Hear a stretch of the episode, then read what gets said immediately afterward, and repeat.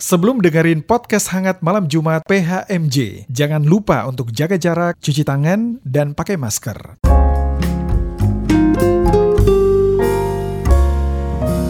Podcast hangat malam Jumat. Selamat malam Sobat Hangat, apa kabarnya nih? Nah pastinya semoga tetap baik-baik aja ya.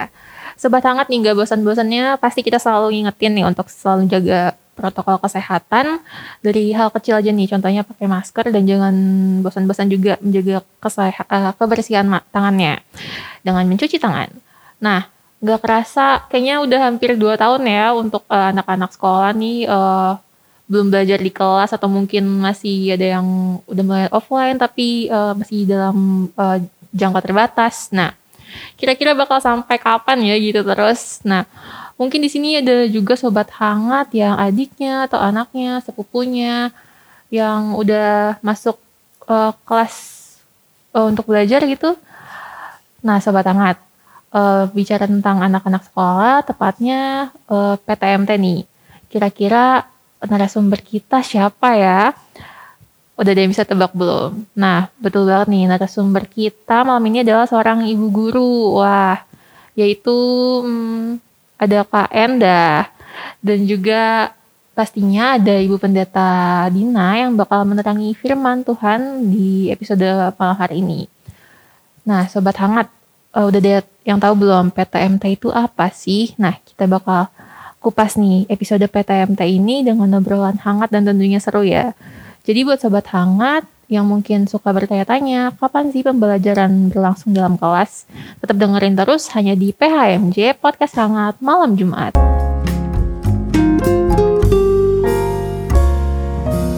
Podcast hangat malam Jumat. Kembali lagi di Podcast Hangat Malam Jumat yang bakal ngebahas tentang PTMT nih atau pembelajaran tatap muka terbatas. Nah, di malam hari ini ada Kak Endah yang bakal nemenin kita. Tadi udah kita eh, udah aku kasih tahu pastinya. Aku mau sapa dulu nih. Selamat malam nih Bu Guru. Malam Kak. Nah, eh, boleh ceritain dong Kak, perkenalkan ke Sobat Hangat yang udah setia dengerin nih.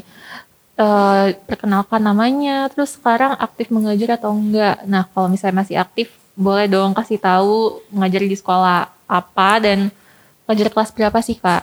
Oke, eh nama aku Enda, aku ngajar, masih aktif sekarang mengajar di level kindergarten Oh, di sekolah Nurture Spring Kindergarten di daerah Taman Palem. wah itu dia Sobat Hangat.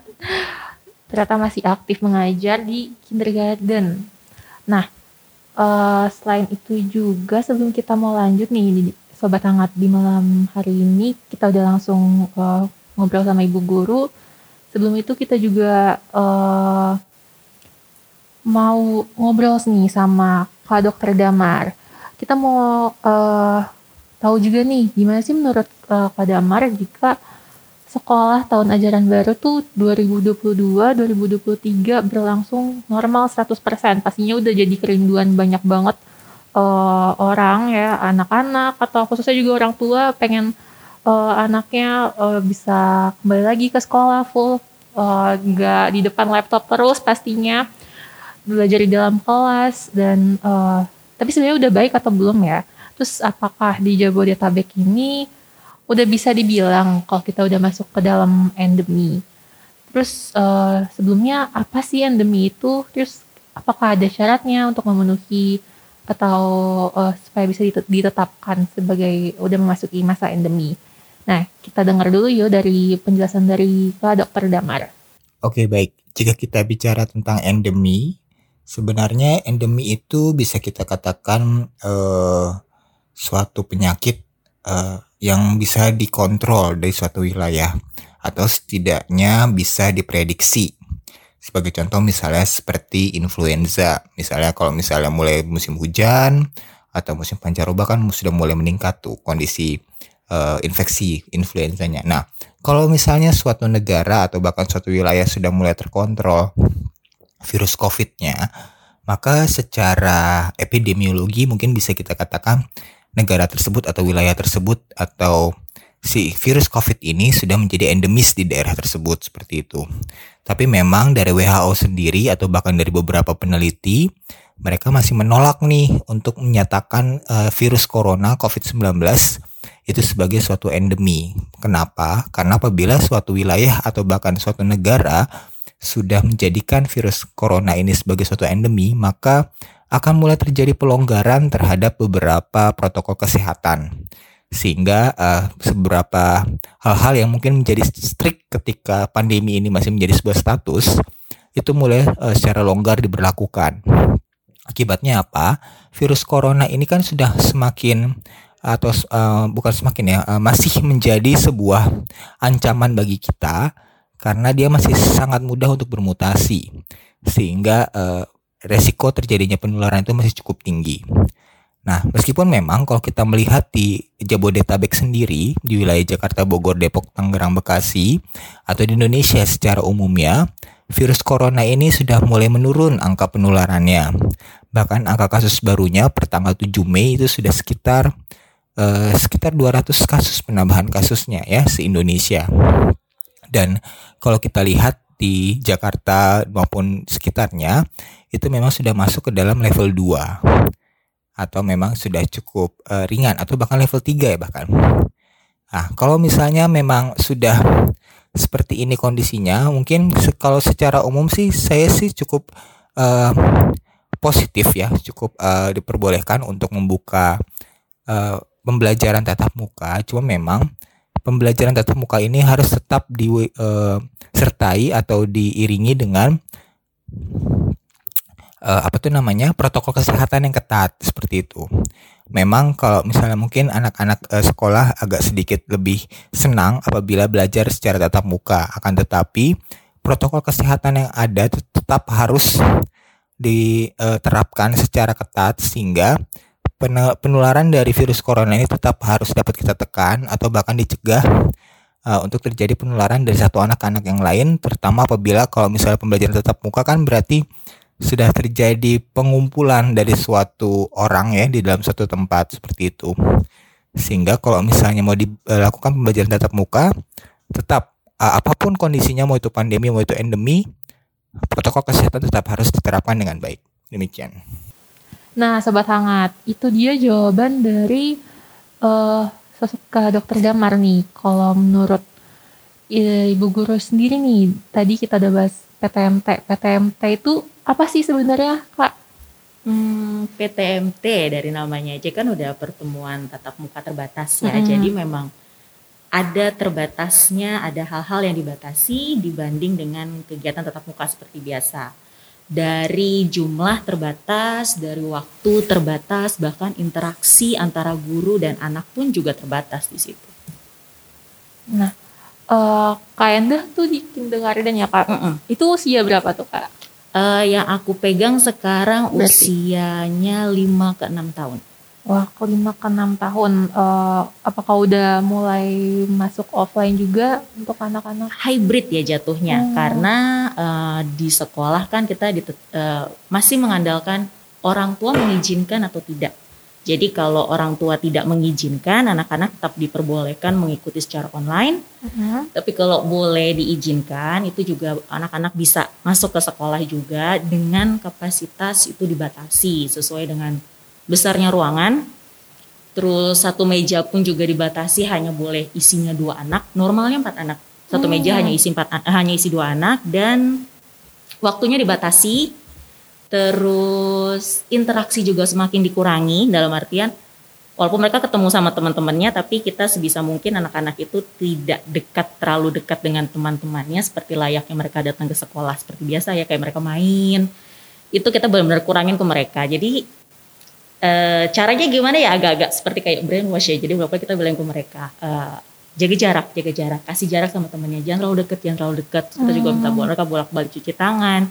Ya terbatas terbatas sekali karena kita pun sebagai guru kita juga nggak bisa terlalu dekat sama mereka secara fisik seperti itu. Nah itu dia uh, sobat hangat jadi udah tahu uh, eh, PTMT itu pembelajaran tetap muka terbatas, terus juga uh, jumlah anak di dalam kelas terbatas, waktu belajarnya terbatas, interaksi antara anak dan guru juga ikutan terbatas ya kak. Dan eh, apakah eh, di tahun ajaran ini nih kak, kira-kira bakal berlangsung normal 100% gak sih kak? Kalau menurut kak Enda? tahun ajaran akan datang kali maksudnya ya. Em, berharapnya sih bisa normal, cuman eh tetap melihat kasus per kasus kali ya, karena sebelumnya di awal di awal semester 2 ini eh ini kejadiannya kalau di sekolahku ya, di sekolahku kita sudah sempet udah sempet planning kita mau oh kita mau eh, mulai nih kita mulai tak jalanin eh, PTMT, tapi kita baru jalan sekitar satu bulan tiba-tiba ada guru kena otomatis sekolah tutup, anak-anak dirumahkan lagi. eh di berturut-turut diisolasi selama dua minggu. Habis itu minggu depan ada lagi yang kena guru lagi, kena lagi, kena lagi. Jadi kurang lebih sekitar hampir tutup itu sekitar dua bulan. Terus baru buka lagi. Buka lagi pun sebenarnya dapat trust dari orang tua agak sedikit susah. Jadi pas awal kita mulai buka lagi pun orang tua juga kayak iya nggak ya, iya nggak ya, masukin nggak ya, masukin nggak ya. Eh, tapi sambil berjalannya waktu, puji Tuhan, mulai sekarang udah mulai banyak anak-anak yang dipercayakan buat ikut PTMT juga dan eh sekarang pun juga gimana ya mereka kita ngeliat anak-anak sebenarnya enjoy, mereka mereka happy lah ketemu temannya. Cuma ada sisi dari kita dari guru tuh eh in between. Kalau aku ngerasanya, aku senang bisa ngajar mereka secara langsung. Lebih enak mengajar secara tetap muka secara langsung. Itu interaksinya lebih enak ketimbang pakai laptop. Cuman di sisi lain, aku pun juga takut eh, bukan hanya mereka yang menjadi carrier, tapi aku jadi aku sehat kan ya, aku nggak carrier kan ya buat anak-anak kan gitu loh. Tadi dalam perjalanan aku dari rumah ke sekolah, aku nggak ngebawa virus kan di badanku. Jadi agak-agak takut di situ. Jadi setiap kali mereka sudah selesai, betul ada pegang dua kelas. Jadi sesi pertama sudah selesai tuh kau langsung yang benar-benar cuci tangan, ganti masker, baru masuk lagi ke sesi kedua. Jadi ya seneng tapi dibarengin dengan worry itulah. Hmm, jadi gitu ya kak. Jadi sebenarnya kalau ditanya eh, udah dapat persetujuan gak sih sebenarnya dari orang tua murid sebenarnya untuk rasa Hmm. percaya itu udah ada. Cuma ya apalagi kakak ya eh, da- anak-anak umur 5 sampai 6 tahun pastinya orang tua eh, worry-nya lebih banyak ya kak. Banget. Wah. nah, itu dia sobat hangat. Nah, eh kalau gitu eh, sobat hangat eh, jangan ke mana-mana ya, karena kita masih bakal eh, ngomongin lagi tentang eh, PTMT ini di podcast hangat malam Jumat.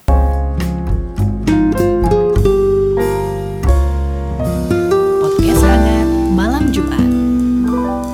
Hai sobat hangat, nah kita sambung lagi nih ke segmen 2 masih bersama ibu guru nih ada Endah dan juga eh, nggak ketinggalan nih kita bakal eh, kita udah tanya-tanya tadi kan tentang PTMT itu apa kita sekarang mau dengerin langsung juga nih sama eh, salah satu anak murid juga nih salah satunya tuh dari adik klien teruna di GPBK sekarang ya, ada Putri Halo Putri, Eh, Putri sekarang kelas berapa sih? Halo, selamat malam Bapak, Ibu, Kakak, dan semua pendengar PHMJ. Nama saya Putri, kelas 2 SMP. Nah, jadi Putri ini eh, mewakili anak-anak sekolahan nih. Kalau menurut Putri itu eh, lebih enakan belajar di rumah atau di dalam kelas? Boleh ceritain dong alasannya apa? Kalau menurut aku sih, aku lebih suka belajar di sekolah sih Kak, PTM. Soalnya kalau PTM kan diajarin langsung sama gurunya, jadi lebih mudah ngerti. Kalau ada kesulitan mau ditanyain ya tinggal nanya aja langsung ke gurunya. Terus bisa ketemu teman-teman juga, jadi lebih semangat dalam belajarnya. Sedangkan kalau di rumah atau PJJ tuh banyak kendalanya. Kadang jaringannya kurang bagus, kurang maksimal juga kak belajarnya. Terus kalau di rumah tuh sering bosen belajar PJJ gitu. Itu aja sih kak kalau menurut aku. Nah, sobat hangat, itu dia eh, jawaban dari Putri nih yang mewakili anak-anak eh, sekolah. Eh, aku boleh wakilin juga gak sih? Aku sebagai mahasiswa juga masih kuliah. eh, ngerasain kangen banget juga buat eh, belajar offline pastinya, apalagi eh, ketemu teman-teman. Eh, pasti sobat hangat eh, yang di rumah juga sama ya apalagi eh, sobat hangat yang udah punya eh, anak gitu mungkin eh, namanya anak-anak pasti senang ketemu teman-teman bosen di depan laptop gitu ya kan. Eh dengar wacana atau mungkin udah juga beberapa eh, tempat yang udah mulai eh, belajar offline pasti senang banget nih. Nah eh terus eh gimana sih eh, kalau kita mau dengar juga nih jawaban dari ibu guru nih sebagai eh, penutup di segmen 2 ini. Apa sih bedanya PTMT sama PTM nih kak? Eh, mungkin banyak juga sobat hangat yang masih belum tahu nih eh, tentang eh, aturannya atau eh, dari sekolah seperti apa. Mungkin kakak bisa bantu jelasin kak? PTM dan PTMT dan PTM. Mm-mm. Eh, jelasnya bedanya ada di kata terakhirnya terbatas. Terbatas. Ya tadi seperti yang tadi bilang ada terbatas dari segi jumlah terbatas interaksi terbatas waktu dan juga eh, butuh izin yang lebih kuat kali ya dari orang tua. Untuk melepaskan anak-anaknya di sekolah itu ada izin tertulis di atas materai dengan peraturan-peraturan dari tiap sekolah ya. Terutama sih seperti kalau di sekolahku tuh kalau mereka misalnya di satu kelas itu ada salah satu anak suspek COVID atau misalnya udah positif COVID. Jadi orang tuanya harus mengiyakan untuk satu sekolah eh satu kelas itu mereka di swab semua. Jadi harus diizinkan seperti itu. Dan apa ya? Yang pasti terbatas sekali ya ruang gerak, ruang aktivitasnya bahkan kalau dari aku karena ngajarnya TK kerasa banget adalah kita tidak bisa mengeluarkan semua mainan, semua alat peraga yang bisa kita pakai di sekolah. Karena kita tidak boleh bergantian pakai alat-alat tulis itu. Bahkan mereka pun harus bawa alat tulis sendiri. Jadi tidak diperkenankan sekolah untuk meminjamkan. Eh, jadinya ya udah, udah kayak ah ini sekolah TK kayak sekolah SD ya gitu loh jadinya kayak alat peraga yang harusnya bisa membantu mereka itu sangat terbatas. Kalaupun memang dikeluarkan itu harus buru-buru kalau udah selesai dipakai satu anak kita harus benar-benar eh, clean it lagi, benar-benar dibersihkan lagi, sterilize lagi sebelum masuk ke lemari atau dipakai oleh anak lain. Itu benar-benar yang beda lah dengan yang dulu kalau kita dulu pakai ya jor-joran aja, pakai pakai aja. Selama itu belum rusak kita tidak akan mengganti dengan mainan lain gitu. Wah, jadi itu tuh sobat hangat kurang lebih eh, yang ngebedain PTMT sama PTM. Nah, kita juga bakal eh, lanjut lagi nih ngebahas tentang PTMT dan PTM di segmen selanjutnya nih. Jadi masih eh, yang mungkin sambil di jalan ngedengerin PPHMJ, semoga tetap fokus ya, hati-hati juga eh, biar sampai rumah di rumah dengan selamat atau yang eh, masih lagi melakukan aktivitas lainnya. Semoga tetap setia terus nih dengerin sampai akhir. Hanya di PHMJ Podcast Hangat Malam Jumat.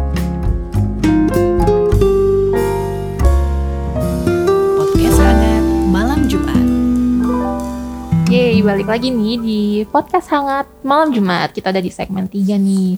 Eh, di segmen sebelumnya kan kita udah eh, tahu nih bedanya PTMT sama PTM. Nah, kesiapan waktu PTMT itu apa aja sih Kak kalau di sekolah biasanya?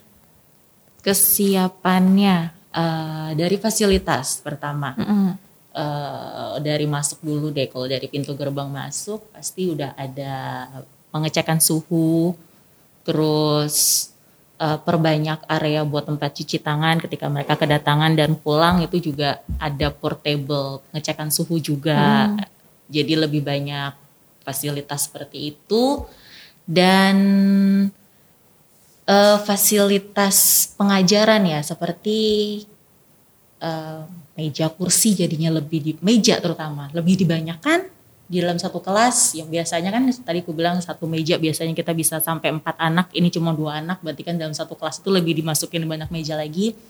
Dan fasilitas pendukung untuk hybrid kelas karena hybrid kelas ini eh, saya nggak tahu ya kalau di sekolah lain gimana cuma kalau di sekolahku ini eh hybridnya berjalan dengan cara online dan offline berjalan bersamaan dalam satu waktu. Jadi yang online pakai laptop, yang offline datang di rumah, eh datang ke sekolah langsung.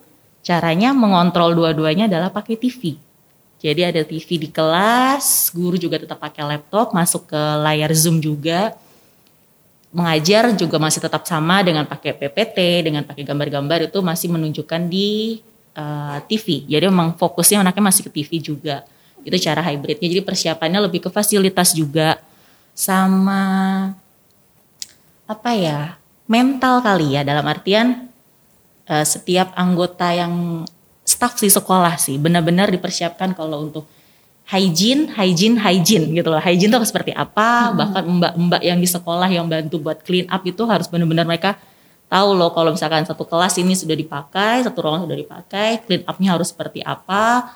Benar-benar mental untuk clean, harus bersih semuanya. Seperti apa itu benar-benar harus dipersiapkan sekali. Hmm, jadi itu ya kak. Dan tadi uh, hybrid itu berarti ada yang anak-anak yang uh, join lewat Zoom, ada yang mm -hmm. di kelas juga tuh kak. Mm -hmm. Itu pusing gak sih kak? Berarti kakak ngajar sendirian pusing. di kelas? Pusing nggak? Pusing. Pusing. caranya, caranya gimana tuh kak? Apalagi kan uh, uh, kakak di TK kan kak? Iya. Uh, adaptasi lah ya. Uh -uh. Ke, berpikir positifnya adalah itu adaptasi pasti dulu ketika pertama kali ngajar full lewat Zoom juga pusing gitu karena anaknya kabur dari Zoom gitu kan. Orang tuanya juga kayaknya susah membuat mereka duduk di depan layar dan anak-anak merasa kayak apa sih bosen gitu kan di depan sini mulu. Adaptasi. Ketika sudah terbiasa dengan Zoom sekarang digeser lagi separuh-separuh gitu kan. Adaptasinya susah iya. Hmm, jadi memang ada sedikit trik-trik sih seperti kalau ada guru yang entah itu guru subjek atau guru yang lain misalnya kosong nggak ada jam pelajarannya mungkin bisa diperbantukan untuk ngawasin. Lebih kepada yang membantu kalau anaknya yang offline, anaknya yang datang di onsite itu ketika pengerjaan, ketika mereka butuh sesuatu gitu kan. Jadi ya berasa pengen punya 10 tangan ingin membelah diri gitu. Saya saya ingin depan layar, saya juga ingin berkeliling di sekeliling kelas seperti itu dan juga karena kan masih PTMT ya kalau di iya. sekolahku yeah. mereka uh, kita tuh masih ngelakuinnya hanya seminggu dua kali, masih terbatas. Ah. Jadi pembelajaran hybrid ini masih terbatas waktunya adalah seminggu dua kali. Kalau tidak ada kalau tidak ada kasus sepertinya boleh bisa naik lagi jamnya atau harinya sesuai dengan keputusan Diknas karena kalau dari Diknas hmm. tiba-tiba ada ada positif case lagi uh-uh. kita nggak bisa nambah hari kita kemarin bisa nambah hari setelah kurang lebih satu bulan lebih ya kok nggak salah hampir dua bulan nggak ada case uh-uh. jadi kita boleh nambah lagi satu hari lagi jadi cukup cukup cukup strict juga ya aturan dari Diknasnya itu jadi uh, ada peraturan dari sekolah, ada peraturan dari Diknas juga Betul, nih kak. Betul, karena bisa sesekali disidak.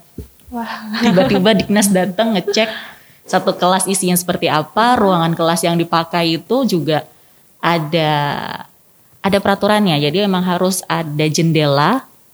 Uh, pilihannya adalah jendela atau uh, pintu yang dibuka selama pembelajaran aircon boleh nyala, ya aircon boleh nyala tapi entah pintu entah jendela harus dibuka gitu. Jadi kalau kelas itu tidak ada jendelanya tidak diperkenankan untuk dipakai. Seperti hmm. itu.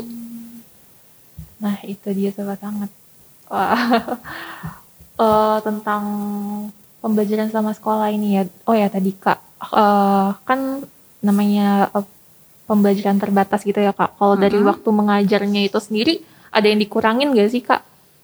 Kalau waktu eh dibilang berkurang sebetulnya tidak ya. Hmm. Gitu. Karena memang kita dari awal juga sudah bilang sama orang tua belajarnya sekian dan dengan durasi sekian walaupun hybrid tetap berjalan dengan durasi sekian cuman jatuhnya speed pengajarnya tidak bisa seperti ketika full ketika full online mungkin dua jam itu let's say kita bisa ngajar sampai dua atau enggak tiga pelajaran.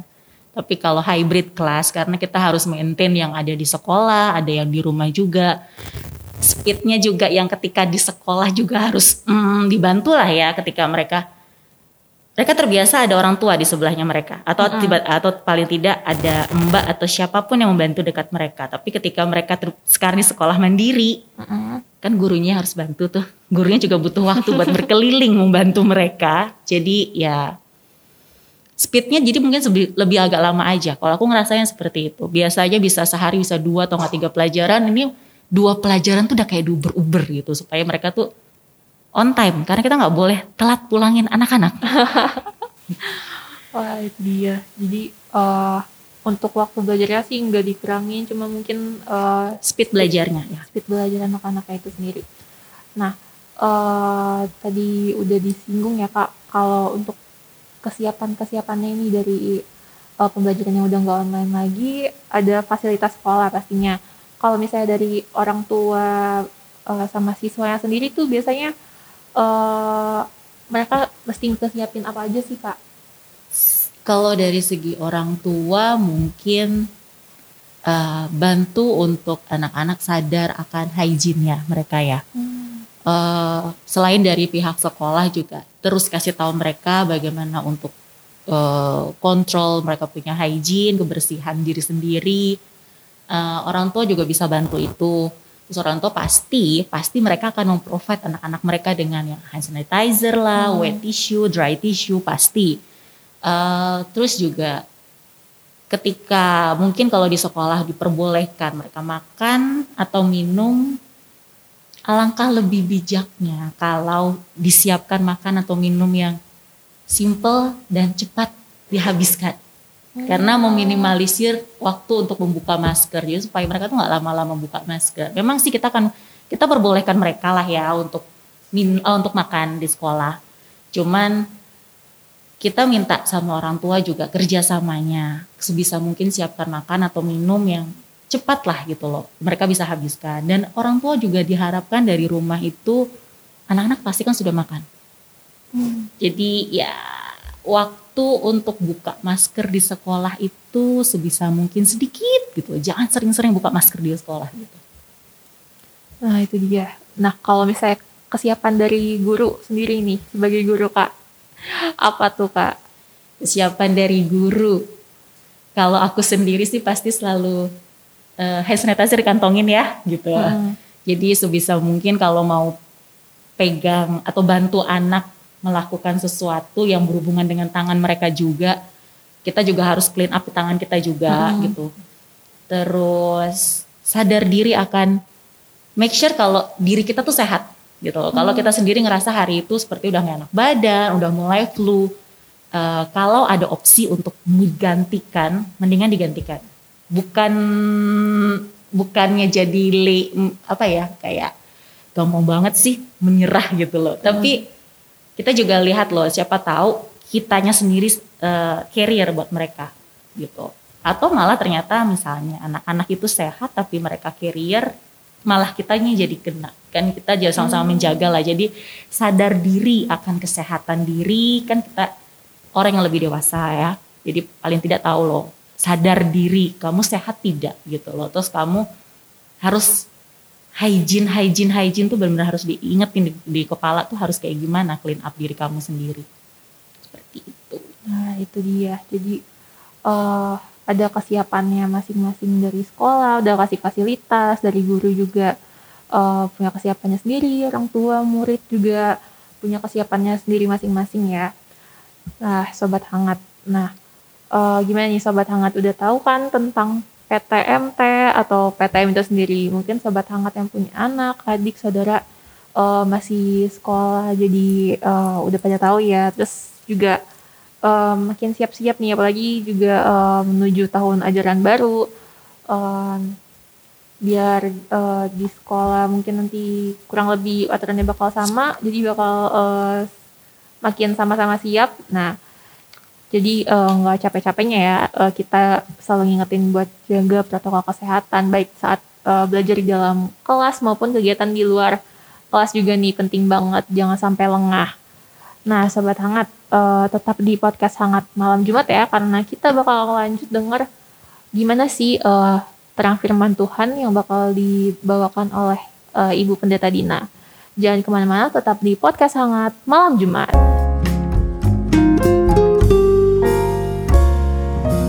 Podcast hangat malam Jumat.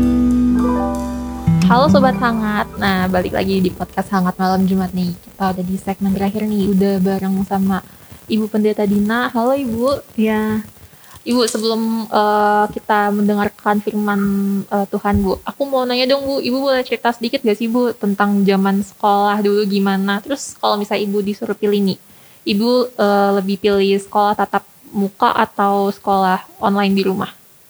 Ya lebih memilih tatap muka ya karena bisa berjumpa dengan teman-teman, bisa berjumpa dengan ibu guru, ada komunikasi, ada bermain bersama kalau waktu masih sekolah dasar dulu, ada teman-teman yang sama-sama kita bergaul, sama-sama bermain, itu satu sukacita ya. Dulu, tapi kalau sekarang dua tahun terakhir ini kita melihat ada jarak satu dengan yang lain, tapi ibu melihat secara positifnya saja bahwa ada waktu bagi kita juga untuk belajar dalam situasi yang ada.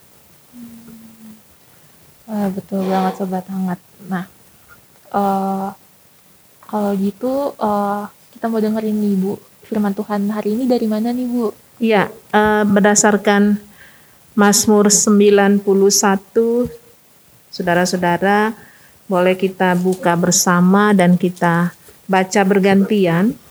Mazmur 91 ayat 1 sampai dengan ayat 16 di bawah terang judul dalam lindungan Allah. Orang yang duduk dalam lindungan yang maha tinggi, yang bermalam dalam naungan yang maha kuasa.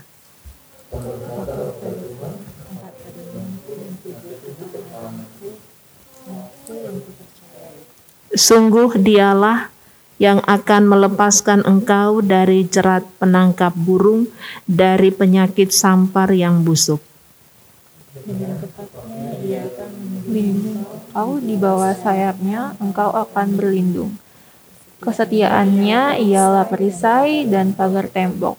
Engkau tak usah takut terhadap kedahsyatan malam, terhadap panah yang terbang di waktu siang, Terhadap penyakit sampar yang terhadap penyakit menular yang mengamuk di waktu petang. Walau seribu orang rebah di sisimu dan sepuluh ribu di sebelah kananmu, tetapi itu tidak akan menimpamu. Engkau hanya menontonnya dengan matamu sendiri dan melihat pembalasan terhadap orang-orang fasik. Sebab Tuhan ialah tempat perlindungan yang maha tinggi telah kau buat tempat perteduhanmu. Malapetaka tidak akan menimpa kamu dan menjaga engkau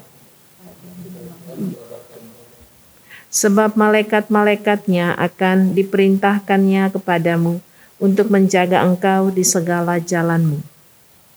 Mereka akan menatang engkau di atas tangannya supaya, supaya kakimu jangan terantuk kepada batu. Singa dan ular tedung akan kau langkahi, engkau akan menginjak anak singa dan ular naga.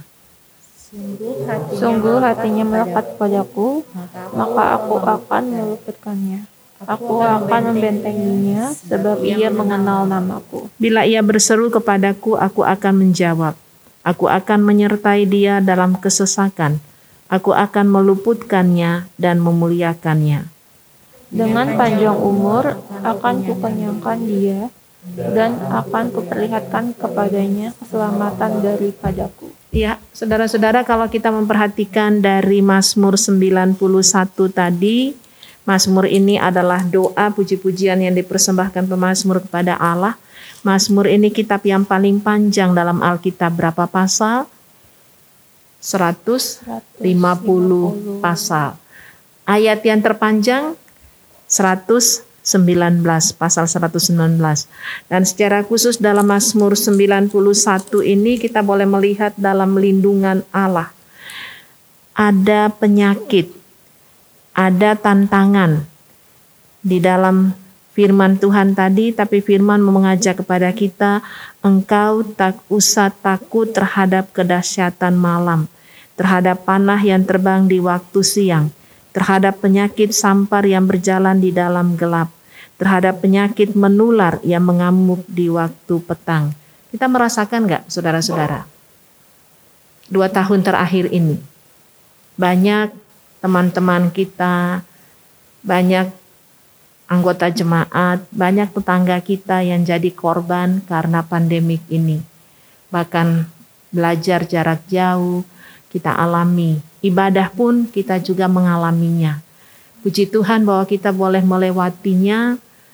Tuhan izinkan kita kemarin untuk kita bersama dalam keluarga, karena biasanya karena kesibukan kita terpisah jarak.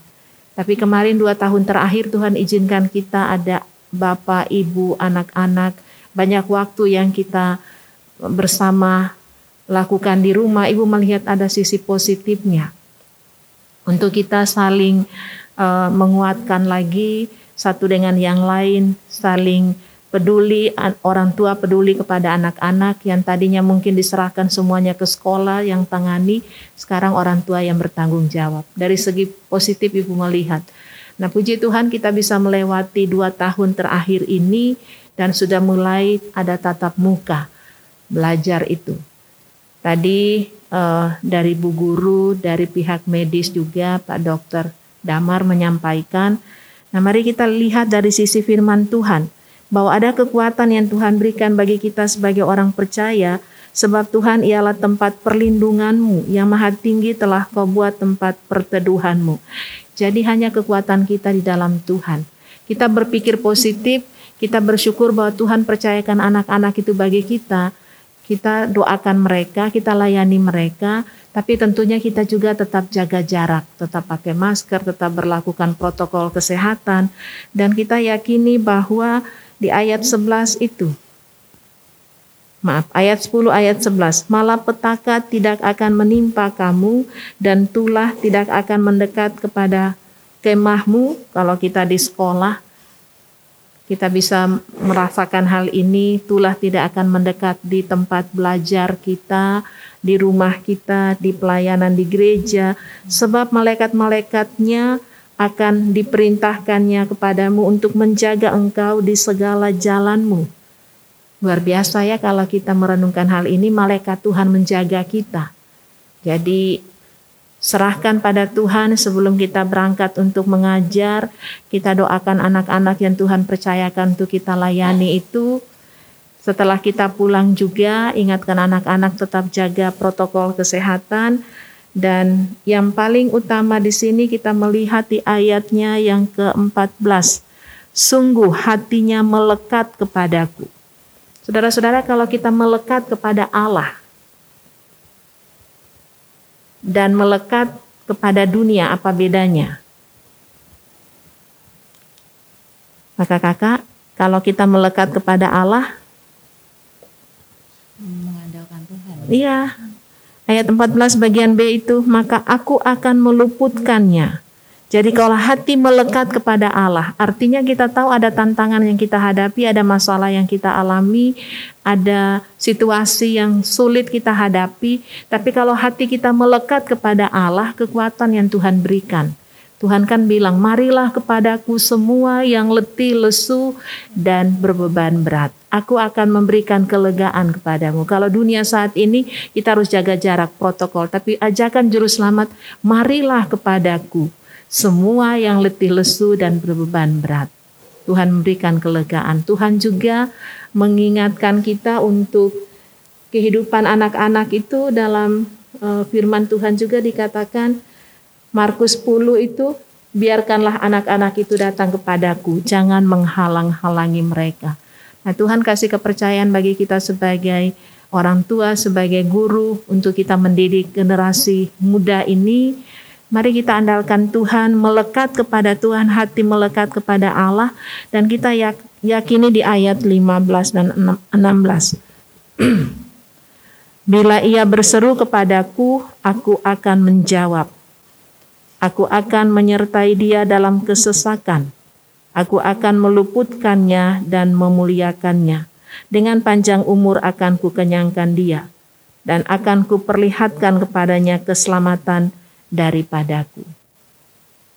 Jadi bagi ibu guru, bagi anak-anak, bagi kita pelayan-pelayan, jemaat, mari kita tetap berlindung kepada Tuhan, tetap semangat, tetap berpikir positif, Otomatis kita juga menjaga kesehatan, jaga jarak, tentunya kita serahkan pada Tuhan. itu dia sobat hangat firman Tuhan yang udah dijelasin sama uh, Ibu Pendeta Dina. Nah, sobat hangat itu dia ya obrolan kita pada episode malam hari ini. Uh, saya host Lisa uh, pamit dan juga ada teman-teman uh, tim kreatif ada Kanorika, ada Kamesak, ada Kak Feral juga yang nemenin kita. Dan juga pastinya kita mau ngucapin terima kasih banyak untuk ibu guru kita pada malam hari ini. Ada Kak Enda, terima kasih udah luangin waktunya. Ada Kak Dokter Damar juga, ada adik Putri juga yang udah uh, ikutan terlibat. Dan juga ada Ibu Pendeta Dina, terima kasih Ibu ya, untuk firmannya pada malam hari ini. Nah, uh, Sobat Hangat, uh, jangan lupa ya uh, dengerin terus podcast hangat malam Jumat dan jangan lupa di follow nih PHMJ di Spotify uh, biar tiap minggunya update terus dengan episode terbarunya. Nah itu dia sahabat hangat tetap jaga uh, kesehatan dan protokol kesehatannya juga nih. Bye bye and God bless you.